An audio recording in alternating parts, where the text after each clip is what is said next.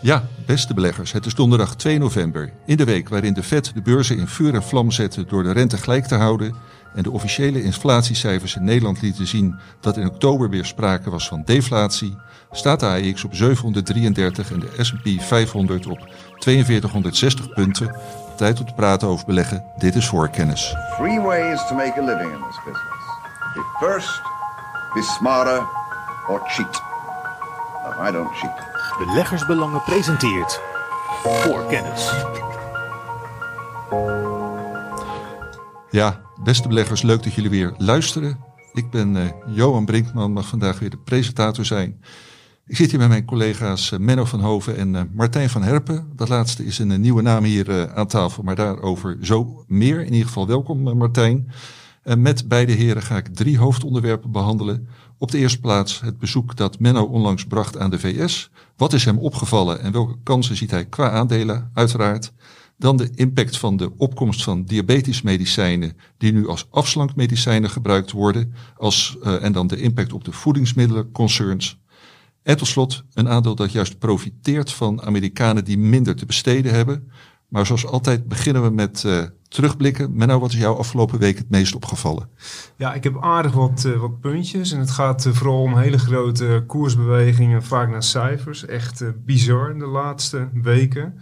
En ja, sowieso om te beginnen vandaag eindelijk weer zo'n heerlijke beursdag. die ja, vandaag donderdag, hè? Dat, precies, ja. precies, donderdag 2 november nu. Uh, nou, beurzen fors hoger. En eigenlijk al die achterblijvers die naar mijn idee te hard uh, zijn afgestraft de afgelopen weken, die, die spuiten omhoog. Dus uh, ja, wie een beetje goed gespreide portefeuille heeft, die moet wel heel erg, ja, nou, die hoeft niet veel erg je best te doen om een paar hele grote uitschieters te hebben vandaag. Ook binnen het dividendportefeuille. Uh, ja, wat viel mij op allemaal deze week? Uh, sowieso Sanofi was natuurlijk bizar. was de grootste koersdaling in uh, 29 jaar tijd. het is een aandeel wat altijd wel op mijn radar staat. En ik ben deze week ook met een hele kleine positie ingestapt. Want ja, zo'n buitenkansje voor een dividend aristocrat, die laat ik niet aan me voorbij ja, gaan. Bedoel je dan privé of in de dividendportefeuille? Privé, privé ja, okay. inderdaad. Ja. Uh, ja, nog veel meer extreme uh, uitschieters. Wat me vooral opviel, en daar heb ik ook over geschreven in het magazine deze week, was Enphase Energy. Koers die stortte compleet in. nou, wat doen ze? Ze maken van die omvormers voor zonnepanelen. Maar die markt schijnt dus vooral door Europa enorm op zijn gat te liggen. en Face zelfs een 34% lagere omzet in het laatste kwartaal. En dat is weer zo'n voorbeeld van die gehypte, tussen haakjes, groene aandelen die gewoon volledig instorten. Een andere deze week is uh, Ørsted.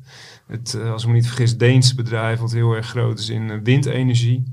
Klapt ook volledig in elkaar. En gisteren na beurs was de grote sectorgenoot van Enphase, Solar Edge. Die stonden al min 73% dit jaar en die gingen naar beurs. Ging nog even een kwart vanaf. Dus uh, ja, als, als je daar vandaag, of dus op 2 november naar gaat kijken, dat is gewoon bizar. Die koersen die, uh, die zijn gewoon honderden dollars gedaald uh, binnen een hele korte tijd. En ja, dat geeft nog maar aan hoe, hoe speculatief vooral dit soort ja, nieuwe technologieën, om daarin te beleggen, hoe speculatief dat kan zijn. Um, heb ik er nog eentje. Align Technology. Heb ik ook over geschreven in het magazine uh, deze week. Uh, wat doen die? Die maken slimme beugels, zoals ik het zelf noem. Uh, beugel in het Engels is een aligner, dus vandaar ook de naam. En wat blijkt dus, ook die markt, die tand, tandartsmarkt, die ligt gewoon onder druk omdat mensen minder te besteden hebben. en dus ook gewoon een bezoekje aan de tandarts wat vaker uitstellen en al helemaal niet van die cosmetische uh, behandelingen uh, aangaan. Omdat het ja, vaak niet verzekerd. Het kost vaak duizenden euro's. Dus dat stellen ze gewoon uit. En ook dit soort bedrijven krijgen enorme klappen. Nadeel voor de dividendportefeuille uh, is wel dat, uh, ja, daar heb ik een aandeel in zitten nu, Strauman Holding. Zijn eigenlijk vooral uh, grote spelen op het gebied van implantaten, maar doen ook een stukje omzet uit die beugels. En ja, die klapt ook 10% in, puur op, op het nieuws van die, van die sectorgenoot uit de Verenigde Staten. maar allemaal voorbeelden van aandelen die echt extreem hard dalen. vaak ook wel op extreem slechte cijfers. Wat ook geen enkele analist, en die zitten in principe, zeker in de Verenigde Staten, bovenop. Die volgen maar een paar aandelen, maar die zien het allemaal niet aankomen. Uh, nou, ook in dat rijtje kunnen we ON Semiconductor zetten. Dat is een aandeel dat door veel, uh, uh, ja, laat, laat ik zeggen, analisten is opgehemeld de laatste weken en maanden. Hebben wij het ook niet een keer in deze podcast genoemd, Menno? Precies, ik heb het hier ook wel eens voorbij horen komen. Nou, die klopte dus ook 22% in elkaar. En wat ik ervan begreep is dat dat ook weer verband had met minder vraag uh, naar die halfgeleiders vanuit de elektrische automobielsector. Ja, dat past allemaal weer in dat plaatje van crisis, inflatie, minder elektrisch rijden, uh, minder zonnepanelen en minder uh, windenergie. En die aandelen worden gewoon keihard uh, afgestraft. Uh, ik heb er nog een paar. Ik ga gewoon door, Johan. Dus, ja, uh, noem er nog een paar. En daarna gaan we met uh, Martijn en ja. de hoofdonderwerpen nee, beginnen. Heel goed. Nou, VF Corp, ik moet hem wel noemen. ja, bizar zat in de dividendportefeuille. dividend werd begin dit jaar verlaagd. dat was toen min 40 procent. nou ja, deze week verlagen ze het nog een keer met 70 procent. En die koers, een paar jaar geleden nog op 100 dollar, staat nu gewoon op 13 dollar. Echt uh, ja, verschrikkelijk. Uh, maar dat toont wel aan hoe, groot die crisis is uh, binnen die retail sector. en ja, als je dan als bedrijf je zaakjes niet op orde hebt, dan word je dubbel zo hard geraakt. Want er zijn ook aandelen, en daar schrijf ik dit deze week in het magazine ook over, die het juist wel goed doen. Bijvoorbeeld een Deckers Brands, bekend van merken als Hoka, Sanook, Slippers en uh, vooral ook UK, wat uh, grootste omzetdrijver is. Toevallig onderweg hierheen, vanmorgen zag ik nog een dame lopen met van die mooie UK-lazen. Dus je ziet het echt overal. Ik zag het ook voor, of twee weken geleden in Orlando. heel veel mensen op die Hoka-schoenen. Dat zag je een paar jaar geleden helemaal niet. Dus ze hebben gewoon hele goede merken die ze gewoon heel slim in de markt zetten. Ja, Menno, jij kijkt niet alleen naar, naar cijfers, maar je kijkt ook ja. naar het straatbeeld. Ik en wat kijk je in winkels vooral ziet. om me heen heel ja, goed. Ja, hartstikke leuk. Ja. Precies. Dus uh, en dat aandeel staat op een all-time high en die boeken gewoon dubbelcijferige omzetgroei. Dus het geldt niet uh, voor, voor, voor, voor alle aandelen. Uh, als je het heel, heel, heel slim aanpakt en je hebt goede brandnames en een goede marketing, ja, dan kun je toch nog het verschil maken. Ik zal nog eentje doen. Voor eentje, Menno. Ja, de laatste. En dat heeft ook weer betrekking op de dividendportefeuille. nou, veel grote dalers tot mijn spijt ook de laatste weken. Vandaag spuit het allemaal weer omhoog, wat ik zei. Gelukkig.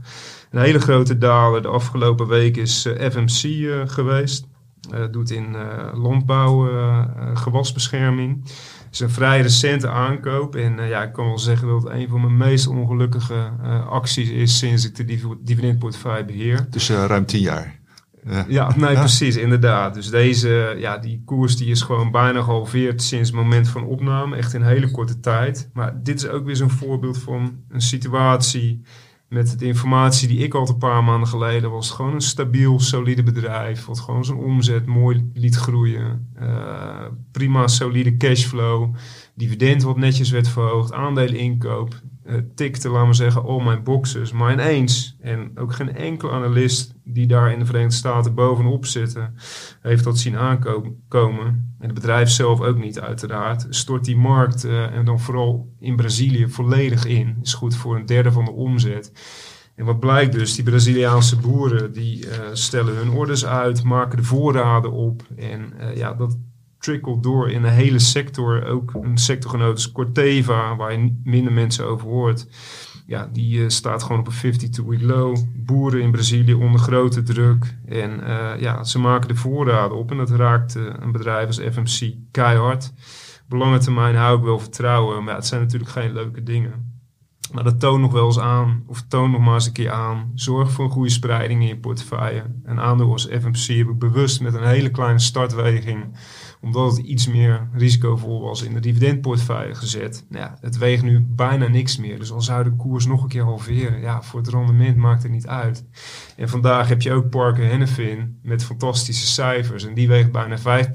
En die maakt wel het verschil voor de dividendportefeuille.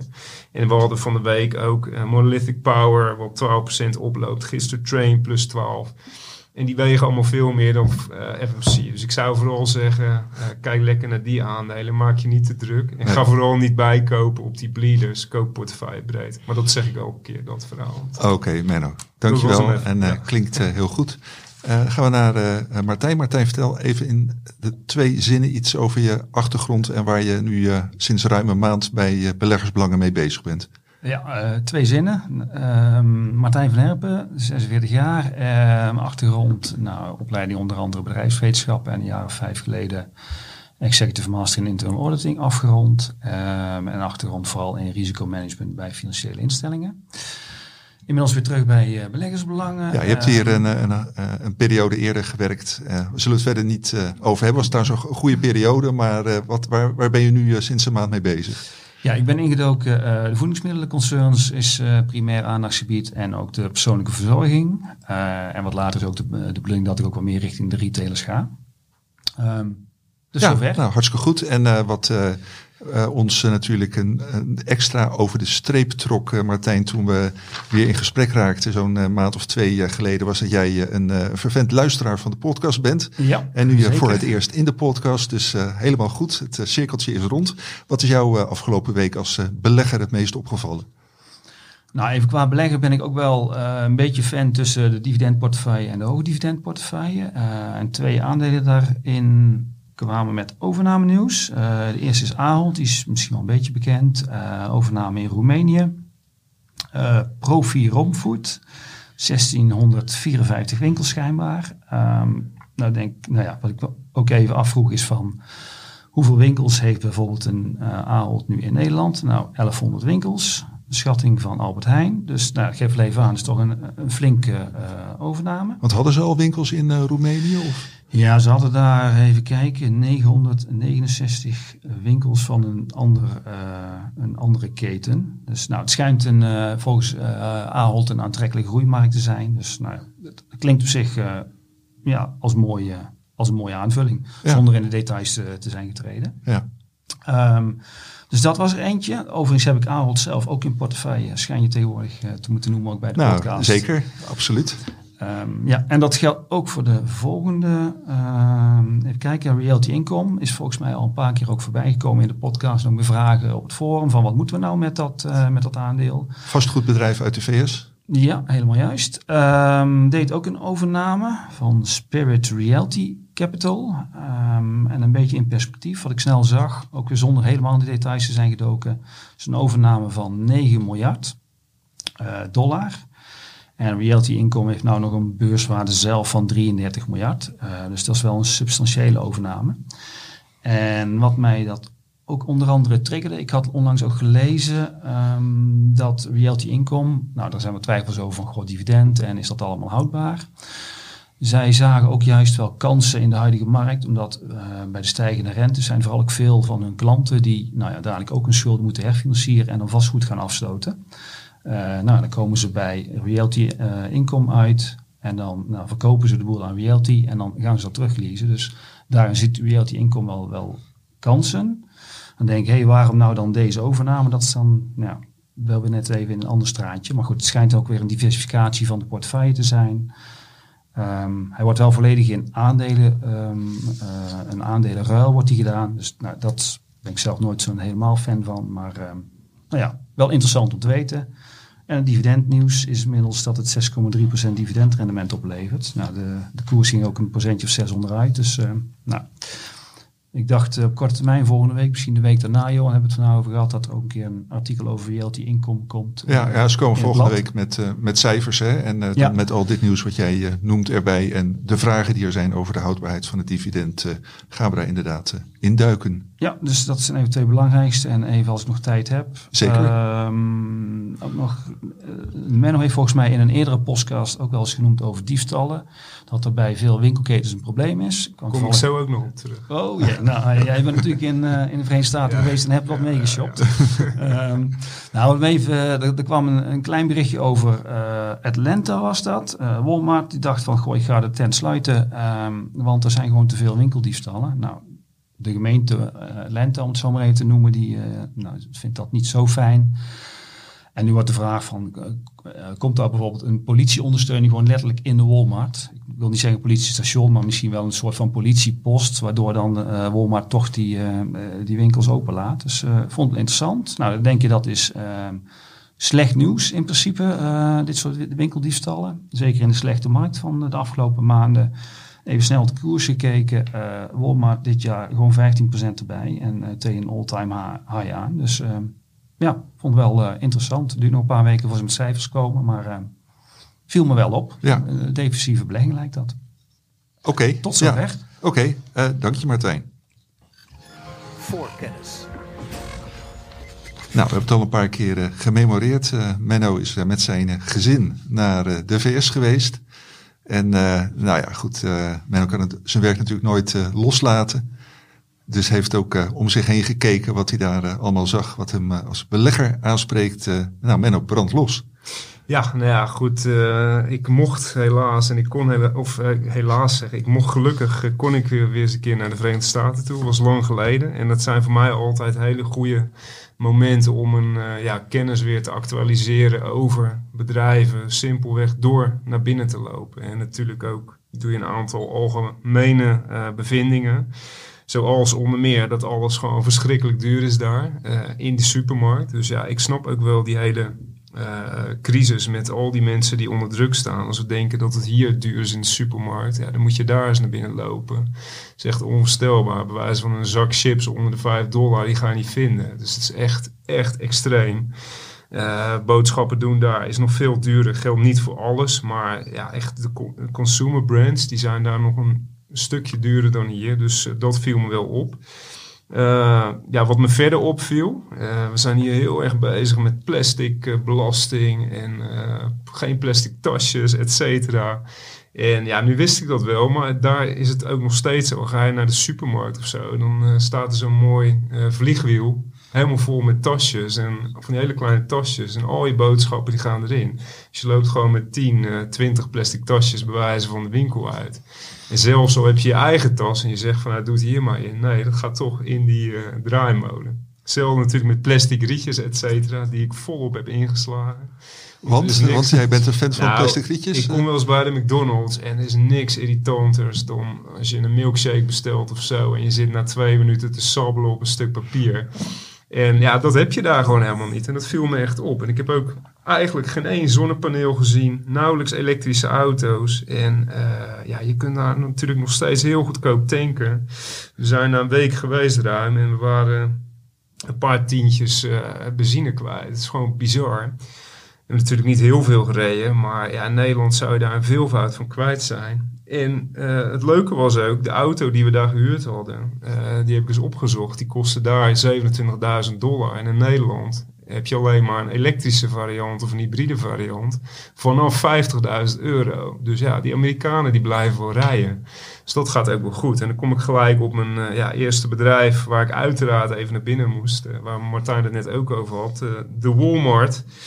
Eh, eh, die eigenlijk alleen maar met de auto bereikbaar is. Het zijn hele grote winkels die echt eh, buiten de bebouwde kom eh, liggen.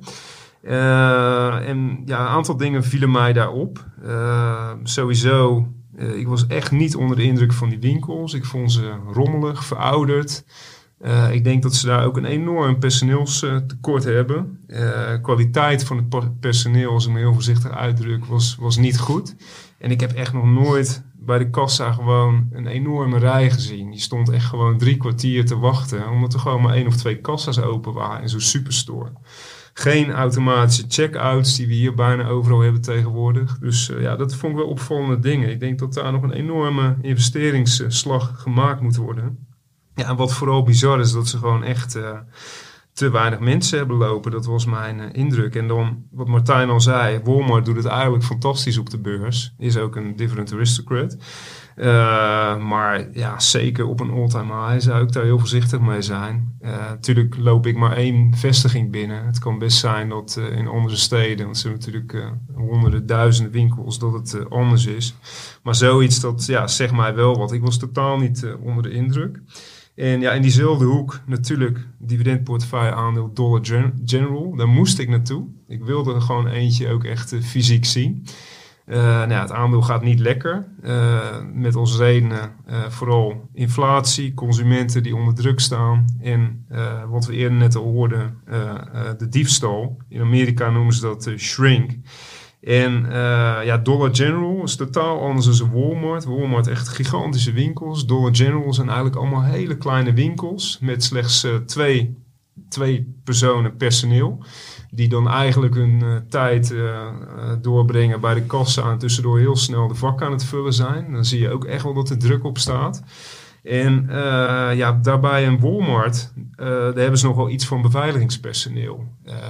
wij hadden er eentje gezien, maar bij een Dollar General, en die hebben bijna 20.000 winkels in de VS. Ja, dan kunnen ze dat gewoon niet betalen. Dus daar staat niet bij elke vestiging met twee man personeel. en vaak in de slechtere buurten. Uh, dat moet ik wel zeggen. Als een Dollar General zit echt wel in de wijk. Uh, die zit niet tussen de toeristische plekken. Je moet er echt wel een stukje voor rijden. Uh, maar ja, goed, als de economie gewoon booming is en mensen hebben genoeg te besteden, ja, dan draait dat dus op volle toeren. Wat dus ook de afgelopen jaar heeft gedaan. Alleen nu staat de consument en vooral met lagere inkomen staan enorm onder druk. En dat leidt gewoon tot, uh, tot een uh, enorme groei van, zoals de Amerikanen het noemen, shrink, diefstal. En uh, ja, ik, ik, had, ik kon me daar lastig een beeld bij krijgen. Hoe kan het nou dat alles uit de winkel geroofd wordt? Maar als ik zelf in zo'n winkel loop, dan snap ik het wel. Er hangen overal camera's.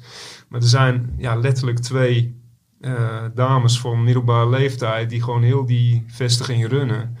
En die zijn dan achter in de winkel bezig en er staat er één voor. En uh, ja, je loopt zo die winkel uit en je rent weg met, uh, met de spullen voordat de politie er is. Dat duurt waarschijnlijk uh, minuten.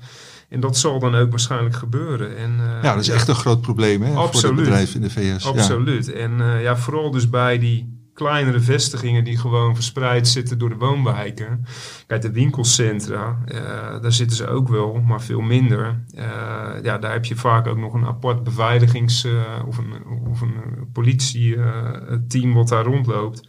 Maar dat heb je niet op die, die, die lokale ja, neighborhood locaties, laten we zeggen. Dus ja, ik heb daar wel een veel beter beeld bij. En uh, ja, dit lijkt me ook heel lastig om aan te pakken. Je, maar verandert dit nou de, jouw kijk op het aandeel ook? Nou, dat, uh, kijk, dit is gewoon iets, daar hebben ze mee te dealen. Wat ze aan kunnen doen, zullen ze doen. Maar dat speelt echt gewoon eigenlijk bij alle retailers. Uh, en zelfs dus bij een Walmart. omdat die natuurlijk een veelvoud groter zijn ja, dat, dat, daar hebben ze gewoon mee te dealen nu. En wat ze eraan kunnen doen, zullen ze doen. Maar dat ga je nooit helemaal uh, wegkrijgen.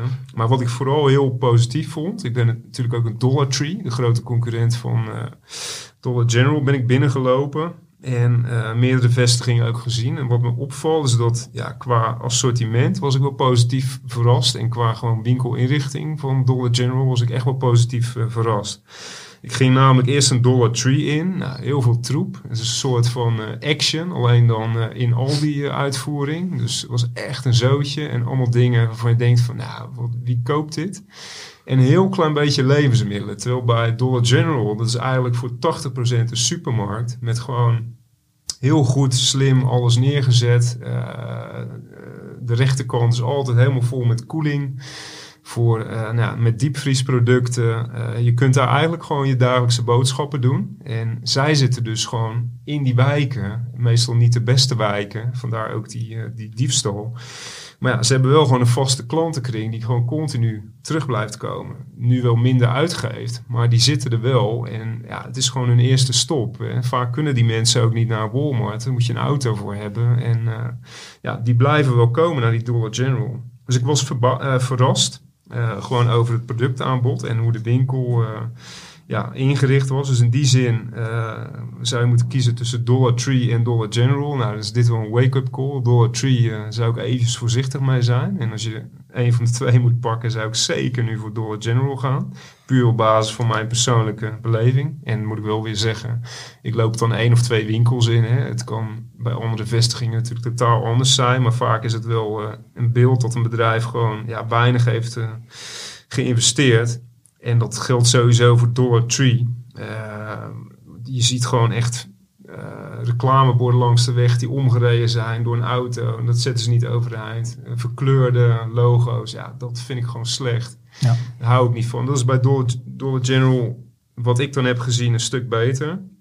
En Dollar General betaalt natuurlijk ook een dividend, wat Dollar Tree nog niet doet. En ja, dat dividend groeide de laatste acht jaar met gemiddeld eh 16% per jaar. En eh, ja, wat misschien nog wat meest bijzonder is, die beurskoers van Dollar General is de afgelopen negen jaar gestegen. Alleen dit jaar klapt die volledig in door die eh, combinatie van eh, factoren die we zojuist eh, ook eh, besproken hebben. Maar ik hou vertrouwen in het aandeel, dus wat dat betreft eh, ben ik wel positief.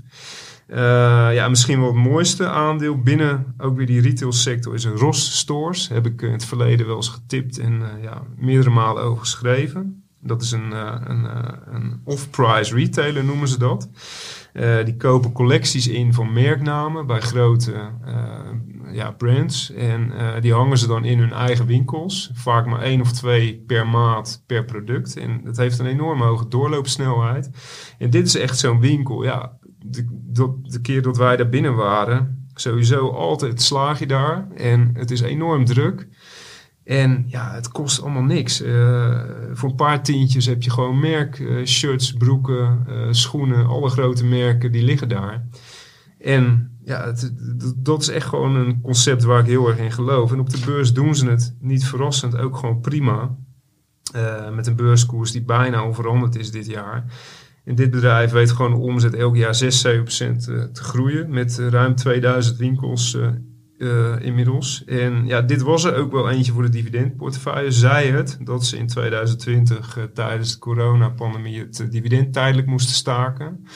Dat is dan wel weer hun nadeel. Dat ja, alle omzet komt gewoon bijna uit de fysieke winkels. Ja, als die dicht zijn, komt er ook geen geld binnen, heb je een probleem.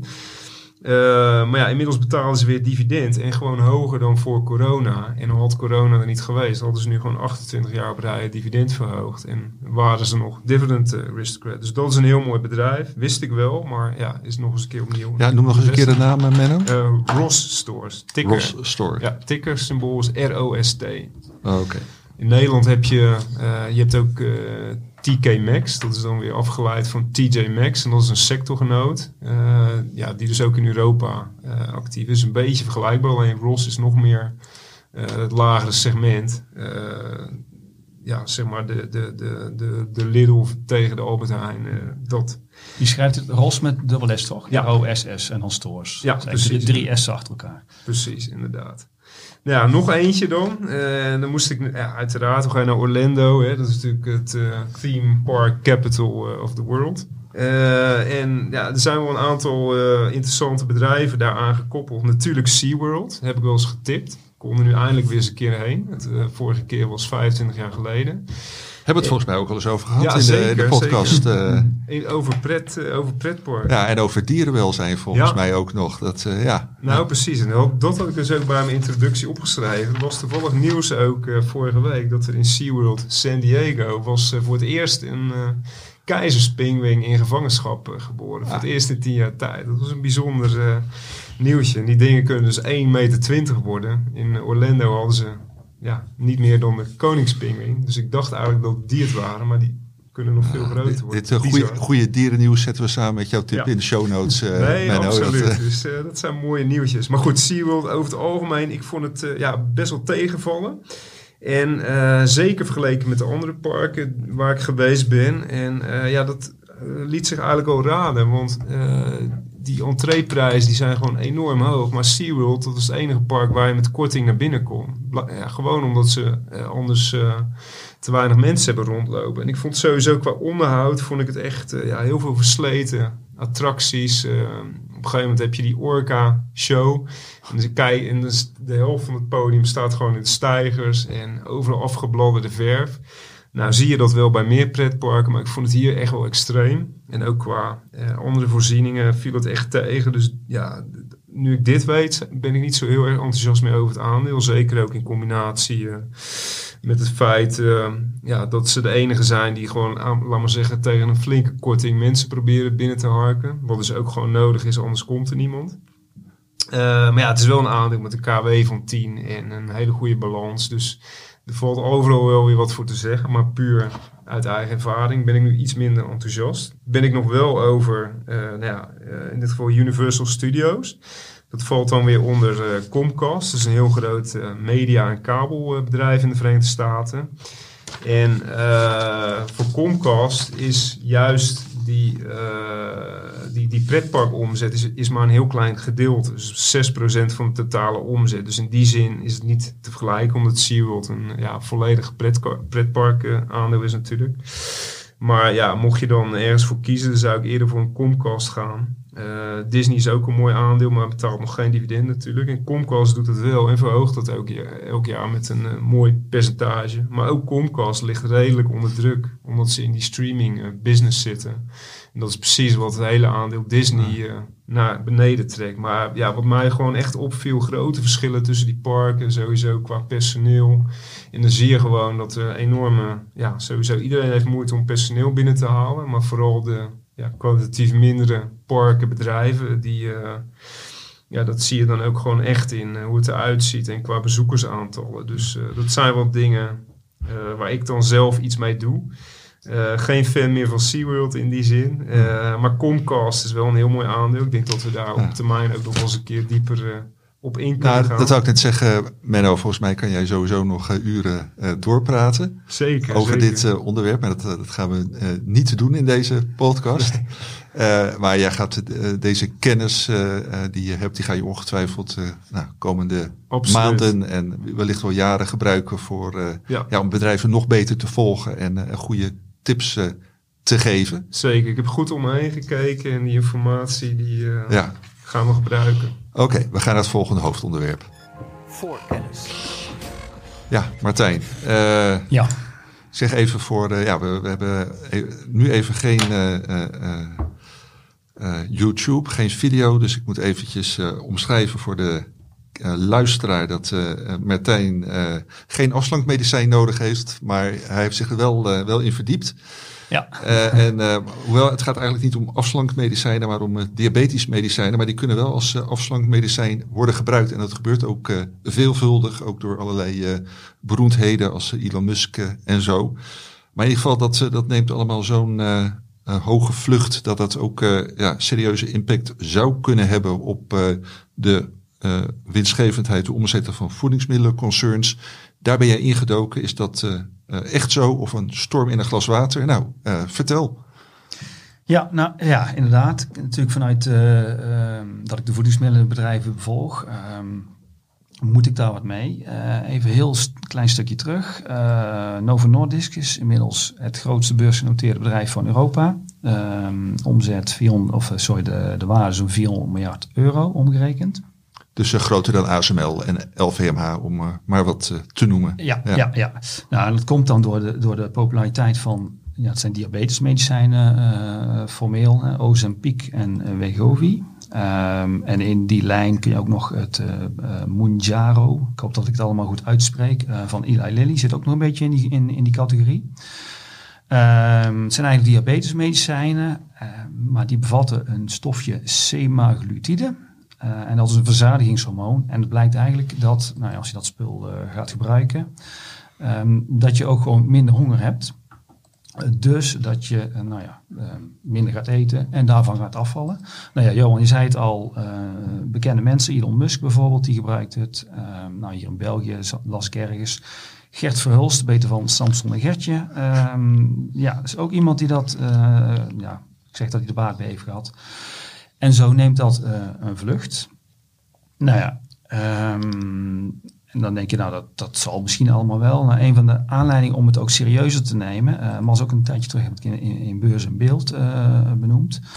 Walmart, daar kwam een CEO van de Verenigde Staten, of een beetje een directeur van de gedeelte van de Verenigde Staten, kwam daaruit en die zei van, nou ja, we zien toch wel, even letterlijk zeggen, we definitely do see slight change compared to the total population. We do see a slight pullback in overall basket. And just less units and slightly less calories. Nou ja, het was eigenlijk maar een heel bescheiden uitspraakje. Maar vervolgens zag je best veel nou, serieuze bedrijven die daar nou, op deze uitspraak. Want ik zat toevallig op een, het was vrijdagmiddag. Ik was aan, over Nestlé aan het schrijven. En ik denk, hé, hey, waarom staat daar 3,3% in de min op het bord? Nou, dat was dus door die uitspraak. Uh, want dat was gewoon een dacht dat de beurs een procent omhoog ging. Nou ja, Nestlé ging 3,3% vanaf. Ik heb hier Coca-Cola ging. Ik heb de percentage niet helemaal opgeschreven. Uit no 5,4%. Ehm Domino's Pizza ging een procentje of 6 vanaf. Pepsi ook een procentje of 5. Ja, en dan denk je van, nou, dit moeten we toch wel even eh, mogelijk serieus gaan nemen. Of misschien ook niet. We moeten daar geval iets mee. Ehm, dan even meteen de disclaimer natuurlijk weer even noemen. Ik heb zelf aandelen Mondelez, eh, nou ja, dat is een beetje bekend onder andere van de koekjes. Eh, koekjesfabrikant en ook bijvoorbeeld Pepsi heb ik in portefeuille. In die zin deed het me ook eigenlijk wel een beetje denken aan nou, jaren vijf, zes geleden toen ik hier voor het eerst was. Eh, toen was er sprake over een cycletax en ging Pepsi hard naar beneden. Ik heb dat toen opge, opgepikt en uh, is er links rechts wel. Ehm Menno zei toen ook wel terecht achteraf van nou, volgens mij moet je nu oppikken. Dat heb ik gedaan en geen spijt van gehad. Nou, dan is ook de vraag, is dit weer zo'n situatie? Ja, een situatie dus waar, waarin uh, je het als belegger serieus uh, moet nemen dat uh, ja, genoemde bedrijven daar last van gaan krijgen. Nou, of de hype is, oh jee, er zijn heel veel afslankmedicijnen. Nu moeten we ze allemaal verkopen, verkopen, verkopen. Je ziet de percentages die er nu vanaf zijn. Even kijken, los van die ene dag. Coca-Cola is sinds mei, nou ja, er is ruim 20% vanaf. Pepsi had een dipje van ruim min 20%. Mondelez min 23 procent. Inmiddels zijn sommige aandelen al iets opgevoerd. Ja, het is natuurlijk ook wel een hele slechte beursperiode geweest. Of, ja, klopt. Ja. Maar dit zijn wel de aandelen van, ik denk, nou, dat zijn normaal gesproken de wat defensievere, uh, defensievere ja, aandelen. Wat, wat, zie jij zelf, zeg maar, dat verband tussen dat koersverloop en die uh, nou, hype van die uh, diabetesmedicijnen, CQ?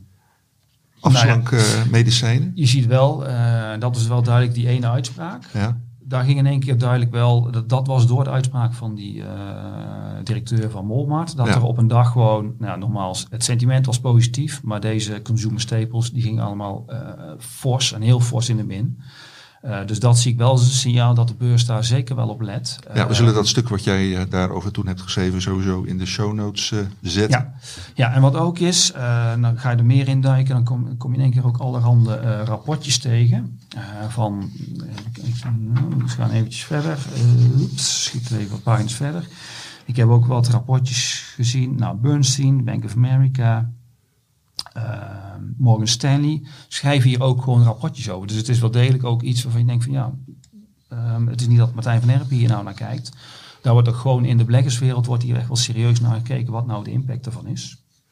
Dus, um, en kun je iets van een conclusie weergeven van wat die uh, uh, analisten van die, uh, die grote partijen daarover denken? Dan is even de vraag, wil je hem kort of wil je hem lang gezien de tijd? Nou, we hebben de tijd, Martijn. We dat, hebben de tijd, ja. ja.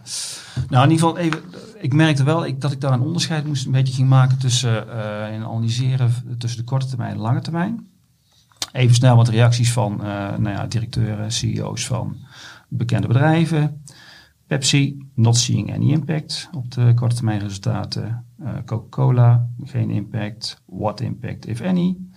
Hershey, uh, not, uh, niet materiële impact. Welke bedrijf noemde je? Hershey. Oh ja. Onder andere voor chocolade. Ja, keurig. Dr. Pepper is ook iets. zit onder andere ook in koffie. Ziet ook geen impact. Dus op korte termijn lijkt het er heel erg op dat er weinig impact is. Nou moet ik er wel bij zeggen, ik neem dan zo'n signaal van Walmart serieuzer. Die voedingsmiddelenfabrikanten zien dat misschien nog niet terug. En dat komt ook omdat er nu, ik, ik kijk specifiek even naar de Amerikaanse situatie. Daar zijn nu misschien 1 miljoen gebruikers van uh, dit medicijn. En dat valt in het niet bij 340 miljoen inwoners. Maar goed, de Walmart kijkt gewoon puur van wat doen nou deze medicijngebruikers. En die ziet daar dus wel die, die kleine impact. Um, Jouw vraag is van wat doet dit nu? Nou, even wat analistenrapportjes erbij gepakt. Um, en, en wat hun inschatting is. En dan kom ik later even ook een beetje op van ja, wat is dan mijn conclusie erbij, wat we daarmee moeten. Even kijken, de inschattingen. Um, nou, is misschien eerst even de vraag van diabetes. Hoeveel mensen um, hebben dit nu? En, en nou, dan kijken we eventjes naar de Verenigde Staten bijvoorbeeld. Uh, 42 procent. En waar hebben we het dan over? Niet gecheckt, maar het schijnt dan uh, obesitas, daar geldt het dan voor, is een BMI van boven de 30. Nou, de Verenigde Staten uh, 42 procent, een heel hoog percentage. Ehm, kijken we meer naar de westerse wereld. Je kunt bijna de wereldkaart van links naar rechts kijken. Eh, de westerse wereld, Europa, daar zit een beetje Italië 20% uh, en, United Kingdom 28% van de mensen dat uh, aan obesitas leidt. En kijken we vervolgens verder richting Azië. Dat is natuurlijk ook interessant. Wat is het daar? Nou ja, China 6% en India 4%. Dat zijn hele grote markten. Um, maar daar speelt dat probleem dus veel en veel minder. Dat obesitasprobleem is, uh, nou ja, dat uh, wil ook uh, ons beeld, zeg maar, vooral een Amerikaans probleem. Ja. Ja. ja, en Europees ook wel wat, maar al significant minder. En ja. inderdaad Azië veel, nog veel minder. Um, dat gezegd hebbende, nou dan, is, dan heb ik daarvoor even van, wat is nou de impact dadelijk op dit, het gebruik hiervan voor die voedingsmiddelenfabrikanten? Heb ik even gefocust op de Verenigde Staten, omdat daar gewoon ja, de, de grootste massa uh, het obesitasprobleem heeft. En dan is even gewoon snel samengevat de schattingen. Uh, Bernstein zegt nou richting 2030, 8% van de zal 8% van de totale bevolking dit medicijn gaan gebruiken. Um, die uh, Ozempic en dergelijke. Bank of America, dat schat dat veel breder. Die schat dat uh, tegen 2030 7 tot 14 procent van de totale bevolking. En Morgan Stanley schat tegen, nou dat is weer wat anders, schatten nog verder in de tijd, 2035, zo'n 7 procent van de Verenigde Staten. Dan die dit medicijn gebruikt en die dus minder trek hebben in, uh, in allerlei uh, chips, cola, snoepgoed, et cetera. Ja, ja, ja. exact. Um, nou ja, dat lijkt dan op zich eigenlijk wel redelijk mee te vallen. Want dan zeg je, nou ja, in welke percentages nemen ze, het, uh, nemen ze dan uh, minder af? Nou, en dan, dat is wel even het trickje van al deze cijfers die ook die uh, zakenbanken met een analyse doen. 7% ehm, is natuurlijk een heel makkelijk aantal, maar nou zeker als je kijkt naar hoe komen zo'n schatting, hoe komt dat tot stand? Had ik eventjes een voorbeeldje genoemd. Even kijken, ik heb hier Morgan Stanley mooi. Kijk, zo mooi zijn. Nee, Bank of America. Die komen met een schatting. Nou ja, een, een totale uh, headwind noemen ze dat. Hè? Tegenwind van 1 tot 3 procent. Maar die gebruiken daar modellen voor. Het is niet zo zeggen, nou, wij weten precies wat er gaat gebeuren. Ja, de, leg even die 1 tot 2 procent, wat is dat dan?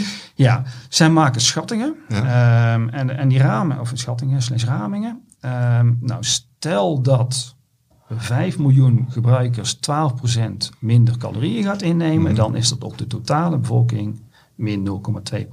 Mm.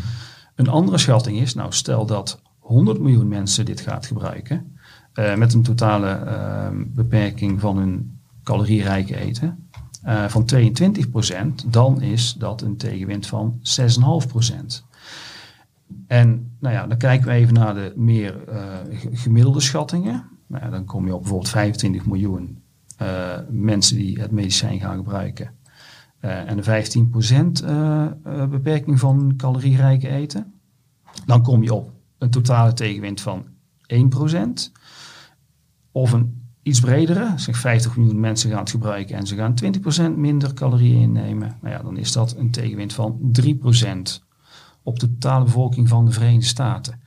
Nou ja, en als je dat allemaal ziet, dan denk je, ja, weet je, wat is nou 3% eigenlijk aan tegenwind? Dat, dat, ja, dat is een... In, in 2030, 2035, zo die, uh, ja, die kant op. Ja. Dat, is heel, dat is heel beperkt. Wat is het, uh, dat is het enige dat als dat gewoon het totale effect is, 3% over die hele periode, nou ja, dan denk je, nou, laat het dus een, een, op de omzet een procent van die voedingsmiddelenfabrikanten zijn. Even los van dat er nog allerhande uh, nuances en details aan zitten. Dat effect, dat, nou, dan zou ik eerder zeggen, het lijkt iets meer een, een kans dan een bedreiging. Um, ja, want wat bedoel dat, dat je het niet als een hele grote bedreiging ziet, dat snap ik uh, ja. wat je gezegd hebt, maar waarom een kans? Nou, de, Kijk, de koersen zijn afgekomen en zijn relatief defensief. Uh, zonder nu even meteen een, een koopadvies op alle eh, aandelen te willen doen. Um, maar als er van de top 20% af is um, en de impact op lange termijn is een procent van, uh, per jaar op de omzet. Um, ja, dan denk ik dat dat redelijk verwaarloosbaar is. Als ik nu even uit mijn hoofd zeg, Nestlé Eh, de omzet steeg afgelopen kwartaal volgens mij jaar op jaar met 8%. Uh, Pepsi dacht ik dat ook zijn resultaten wat, uh, wat verwachtingen overtrof. Richting de 8,5% jaar op jaar. Nou ja, laat daar eens een procentje van afgaan. dan heb je 7,5% jaar op jaar. Ehm, ja. Mag ik dan de conclusie trekken dat jij, nou ja, misschien niet een storm in een glas water vindt, maar wel ja, dat je de lange termijn effect uh, nou, dat je die op dit moment eigenlijk uh, ja, nog niet zo ziet, of in ieder geval in beperkte mate? Um, ik denk dat het een, relatief gezien een, een, beperkt effect heeft. En dan schieten we al een beetje door richting mijn conclusies. Even kijken. Um, nou ja, er zijn, er zijn, een paar dingetjes die even van belang zijn. Um, ik denk dat het meevalt, ook omdat er andere factoren zijn die gewoon ook een grote, grote impact hebben. Uh, of die in ieder geval een impact hebben. Kijk, uh, spraken we de, de uh, Pepsi bijvoorbeeld. Ik heb hier even een quoteje liggen. Um, Pepsi, nou, zeg gewoon van, er zijn tegenwoordig steeds meer mensen ook die, zeker de generatie Z en de millennials, die, die een ander voedingsmiddelen, voedingspatroon gedurende de dag hebben. En gewoon meerdere eetmomenten eten, eten gedurende een dag. Dus niet meer nou ja, drie keer per dag een grote maaltijd, maar gewoon vaker gedurende een dag kleinere maaltijden. Uh, en die zijn dus ook veel meer geneigd om te gaan snacken. Nou, dat bijvoorbeeld heeft dan waarschijnlijk zeker ook gewoon een effect dat mensen gewoon juist meer uh, uh, gaan consumeren. Uh, ik had hier even kijken, ook nou, richting dat snacken. Even kijken, nou, ik heb dit papiertje even niet paraat, maar dat de schattingen zijn dat de komende jaren tot 2027, wat de omzetten uit snack en dergelijke, dat het juist 6% per jaar gaat groeien. Gewoon als markt. Dat leest mij is volgens mij een belangrijker gegeven. Uh, dan het gegeven dat, nou, stel 1% op de omzet uh, een neerwaarts effect heeft. Dus dat denk ik. En vervolgens ook van belang. Um, de voedingsproducenten gaan zich hier ook op aanpassen. Zijn nu eigenlijk al bezig, uh, specifiek Pepsi en Mondelez maar even aanhalen. Die kijken nu al enerzijds met innovatie. Hoe kunnen wij richting iets minder suiker in onze uh, uh, voedingsmiddelen, iets minder zout, iets minder vet. We zijn gewoon bezig met die innovaties. En daarnaast nemen zij ook gewoon wat kleinere fabrikanten over van gezonde voeding. Dus die passen gewoon hun voedingsmiddelenportfolio aan. Dus ook weer een reden om te denken, nou ja, het effect, weet je, de soep wordt niet zo heet gegeten als die wordt opgediend. het effect lijkt, nou, ook daarin weer volgens mij relatief beperkt. Um, ja, dus dat even. Ja, het zijn even de, de belangrijkste conclusies. Um, ja, maar dat is, uh, is uh, helder, Martijn. Het betekent wel dat we het gewoon in de gaten moeten ja. blijven houden. Uh, bedacht moeten zijn op opmerkingen zoals die Amerikaanse Walmart-directeur. Maar ja, ook niet als aandeelhouders van ja, de voedingsmiddelenconcerns niet overdreven zenuwachtig moeten maken, toch? Nee. nee. nee. en als je nou denkt van nou, uh, die Martijn, uh, mooi verhaal, maar uh, naar aanleiding hiervan, ik ga nog een beetje verder graven. Um, ik denk er toch anders over.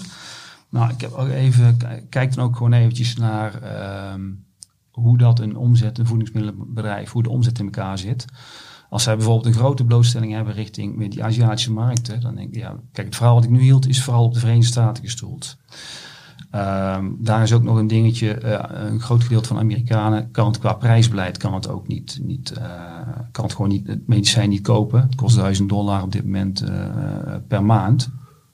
Um, in Europa is het wat goedkoper. Um, en wordt misschien ook nog wel door geneesmiddelenfabrikanten, sorry, door zorgverzekeraars vergoed. Denk je van, nou, dat zijn wel even risico's waardoor Ehm, deze business case wat slechter is, kun je altijd nog denken van nou, waar komt nou de omzet van uh, voedingsmiddelenbedrijven vandaan? En kijk dan vooral ook eens meer een tip, kijk dan ook naar de blootstelling naar opkomende markten als Azië en India. Dat zou ik zeker doen. En wat ik ook nog wil zeggen, gewoon kijk ook gewoon even onderliggend. Uh, we hebben het voorbeeld van Nestlé bijvoorbeeld aangehaald. Uh, even ook snel als je bijvoorbeeld daarin kijkt hoe de omzet tot stand komt. Hun omzet voor 27% bijvoorbeeld is uh, um, ook gewoon aan, aan, wel aan drank, uh, maar bijvoorbeeld ook 17% aan uh, nutriënten en een beetje meer de gezonde voeding. Nou ja, dan heb je ook nog 20% aan diervoeding. Dat zijn allemaal onderdelen die ja, relatief weinig geraakt worden door, eh, door dit verhaal. Dus eh, nou, stel, je wilt nog wat in, in bedrijven van voedingsmiddelenfabrikanten. Ehm, ja, ben daarin een beetje selectief. Dan, dan kun je echt nog wel eh, je voordeel uit doen. Een aandeel als Coca-Cola, zonder daar helemaal in detail ingedoken te zijn, volgens mij minder groei, inmiddels ook minder groei nog in, eh, in, in, opkomende markten. Is redelijk verzadigd. Daar zou ik het risico misschien iets groter, eh, groter voor zien. Ja, maar de, de, de meeste voedingsbedrijven, of een groot deel van de voedingsbedrijven, groeit genoeg ook in ja, segmenten ja, waar die afslankmedicijnen gewoon nul, nul impact hebben. Ja, mijn ja, voorzichtige conclusie. Ja, Ja, eh, we moeten ons niet te veel zorgen maken Nee. over dit, eh, dit effect. nee. Oké, nou, eh, dankjewel eh, Martijn. Voorkennis. En eh, alweer het laatste hoofdonderwerp. Men had eh, aangekondigd kijken of die zich daaraan kan houden dat het een wat korter hoofdonderwerp zou zijn. Het gaat in ieder geval over één aandeel wat jij eh, wil noemen. Eh, vertel Menno. Ja, nou, ik wil het ook, ja, hoofdonderwerp, dat klinkt wel heel erg zwaar. Maar ik eh, kijk dus ja, eigenlijk dagelijks naar aandelen die ook in deze markt, alhoewel het vandaag, we spreken 2 november, natuurlijk een fantastische beursdag is. Eh, eh, kijk elke dag wel naar aandelen die naar een all-time high gaat. En ja, wat je natuurlijk logischerwijze ziet op dagen dat de beurzen steeds verder wegzakken. Eh, dat het steeds minder aandelen zijn die op een all-time high staan. Eh, nou, één aandeel, eh, ik volg het, of ik kende het al wel, vanwege het dividend uiteraard. Maar die eh, zette dus, vorige week was dat een all-time high neer. En dat, ja, eigenlijk is het ook heel logisch. Dus die wilde ik wat nader toelichten. En het gaat om First Cash Holdings. En wat doen die nou? Het is een uitbater van zogenaamde pawn, pawn stores, als ik goed uitspreek, P-A-W-N. Eh, waarbij klanten natuurlijk eh, die eh, in zware financiële nood zitten of gewoon tijdelijk geen geld beschikbaar hebben, hun spullen voor een lening gedekt kunnen verpanden of gewoon kunnen verkopen om wat cash binnen te krijgen. Ja, en wat eigenlijk heel logisch is, is dat als steeds meer Amerikanen minder te besteden hebben en als zo'n dollar general eh, ja, eh, gewoon in zwaar weer zit, puur door die lagere inkomensgroepen waarvan ze het moeten hebben. Ja, dan kun je ook wel bedenken dat die pawn stores, dat die eh, booming, dat dat een booming business is. En dat blijkt ook wel. Nou, dat First Cash Holdings is dus de grootste uitbater. van die eh pawn stores in de Verenigde Staten. Doen ook nog iets met betalingsoplossingen. En ze zijn ook groot in vooral de overnames in Latijns-Amerika. Met in totaal bijna 3000 van die eh pawn stores. Ik blijf het Engelse woord eh, gebruiken, omdat ik niet echt op een eh, Nederlandse. De, de Lombard eh, is het volgens mij. eh, nou, precies ja, dat, ja, ja. Maar dat vind ik weer zo raar klinken Ja, dan. We weten waar we het over ja, hebben. zeker. 3000 locaties. En eh, ja, dat is dus een enorm resilient business, zoals de topman bij de laatste cijfers zei. En ze zien dus ook echt gewoon dat die inflationaire druk en eh, ja, uitgeknepen consumenten, dat die steeds meer naar die winkels komen eh, om toch aan hun centen te komen. En dat resulteert in het laatste eh, derde kwartaal in een omzetgroei van 20%. En dat is buiten nieuwe winkels. En in het derde kwartaal hebben ze gewoon 104 nieuwe vestigingen toegevoegd, deels door acquisities. Waarbij ze vooral in Latijns-Amerika, waar dus ook een enorm booming business is, aan het uitbreiden zijn. En de operationele winst eh, die steeg in het laatste kwartaal gewoon met 20% naar eh, 14 miljoen. Met een enorme operationele marge van eh 25%. En dan kijk je dan onderliggend, eh, dan zie je gewoon dit jaar een verwachte omzetgroei van eh 15% naar ruim 3 miljard. En vorig jaar steeg die omzet, ook weer deels door acquisities natuurlijk, met eh 60%. Maar dat aandeel doet het al jaren eigenlijk eh, fantastisch. Dit jaar plus 24% en een, eh, een all-time high. En ja, waar mijn aandacht vooral naar uitgaat, is de combinatie van aandelen, inkoop en dividend. En op beide gebieden doen ze het gewoon heel goed.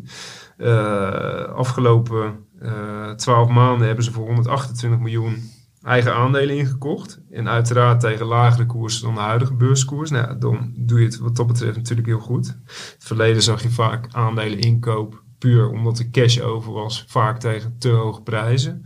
Deze ja, doen dat gewoon goed, omdat je structureel ook gewoon tegen lagere koersen inkoopt. En uh, vooral natuurlijk dat dividend, wat gewoon al acht jaar op rij elk jaar uh, is verhoogd sinds ze ermee uh, begonnen zijn met uitbetalen. En eh, ja, als aandeelhouder had je in 2016 een dividendje van 12,5 cent. En inmiddels is het al 35 cent eh, per kwartaal. Dividendrendement relatief laag, maar dat dividend groeit wel elk jaar. Maar daar gaat het verder niet om. Ik vond het gewoon heel interessant dat zo'n bedrijf juist echt ja. gewoon eh, enorm succesvol is in deze En, markt. en hoe groot is het nou? Het is geen S&P 500, eh, denk nee, ik? volgens mij iets van eh, 2000. 4, eh. 4, 5 miljard. Ik kan het zo heel snel even bij. Ja, het is Ja. 4,8 miljard beurs. Ja, maar het, het is ook gewoon illustratief voor ja, de, de Amerikaanse maatschappij wat Ja. daar nu speelt. En ja, past in, dat- in die zin ook naadloos in, Absoluut. bij jouw eerste hoofdonderwerp. Precies, Ja, precies, dat ja. gaat eh, hand in hand eh, Ja. eigenlijk. Ben je nou zover, eh, Menno, dat, je dit, dat dit een kooptip is? Tip is Nou, of, ja, misschien ooit eens een keer tegen wat lagere koersen. Het is niet een, per definitie een spotgoedkoop aandeel, maar gewoon dat onderliggende dividendverhaal. Ja, nee, dus geen, geen kooptip nu, maar wel iets om in de gaten te houden. zeker. Voor, ja, en, Zeker, maar zo zijn er honderden aandelen in ja. de Verenigde Staten. Dus, het is eh, eh, een snoepwinkel, eh, Menno. maar er moeten moeten eerst nog een paar klappen naar beneden bij dit aandeel. Want bij koop deze op, wel. Bij koop op een van- oldtime high doe jij niet zo graag. Nee, dat, nee, nee, dat geldt nou, net als met een Walmart bijvoorbeeld. Maar ja, voor de rest van de markt, en dat heb ik deze week ook in het magazine beschreven. En op Twitter heb ik het vorige week nog gegooid. Ja, zag ik vooral hele grote koopkansen. Ja, dat die beurs nu de laatste paar dagen omhoog spuit, is natuurlijk puur toeval. ja. Maar voor mij, eh, eh, ja, het grootste deel van de markt is gewoon, eh, zeker als je voor lange termijn erin zit, zijn dit wel momenten dat je had moeten toeslaan al. Kan Ja. natuurlijk nog steeds. Maar dan kan het ook heel hard herstellen. Zeker die aandelen die eh 30, 40 procent gedaald zijn, waar eigenlijk fundamenteel niet zo heel veel mee aan de hand is. En Nee. er zijn er heel veel van. Nee, nou, beste luisteraar, als u dat nog niet doet, lees Beleggersbelangen, want daar komen al deze tips wekelijks voorbij. Eh, nou, dank jullie wel, eh, Menno en eh, Martijn. Luisteraars, bedankt voor het luisteren. We gaan nog wel eventjes vooruitblikken op de komende week. Wat zijn de dingen waar Menno en Martijn naar vooruit kijken? Martijn, wil jij beginnen waar jij op let de komende week?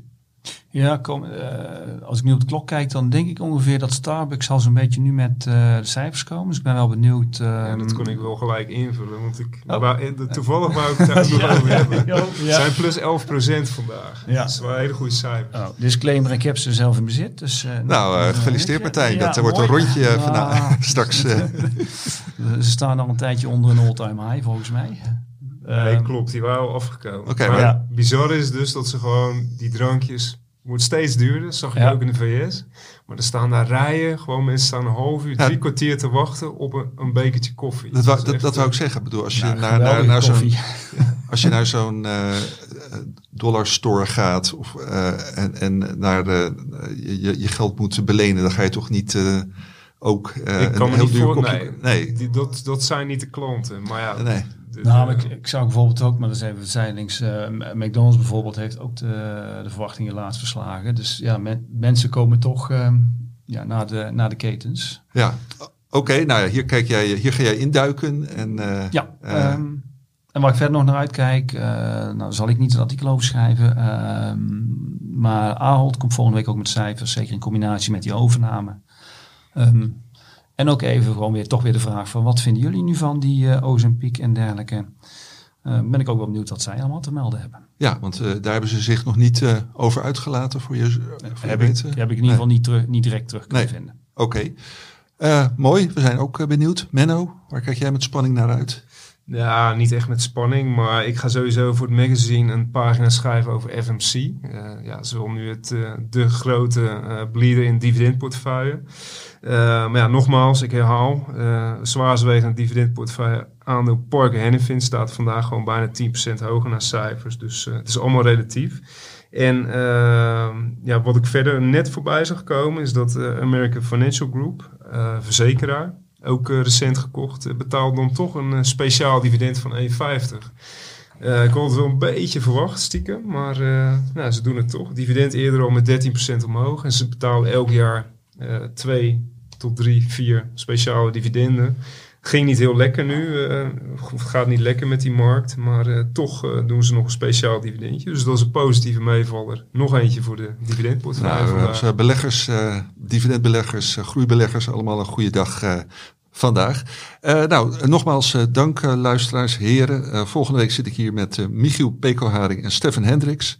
Heeft u komende week vragen voor een van beide heren? Mail ze dan naar voorkennis.beleggersbelangen.nl Nou, pas een beetje goed op met de storm. Ook Martijn en Menno, want jullie moeten nog relatief ver weg nu naar huis. Maar het was, was een mooie uitzending. Dank jullie wel en tot volgende week.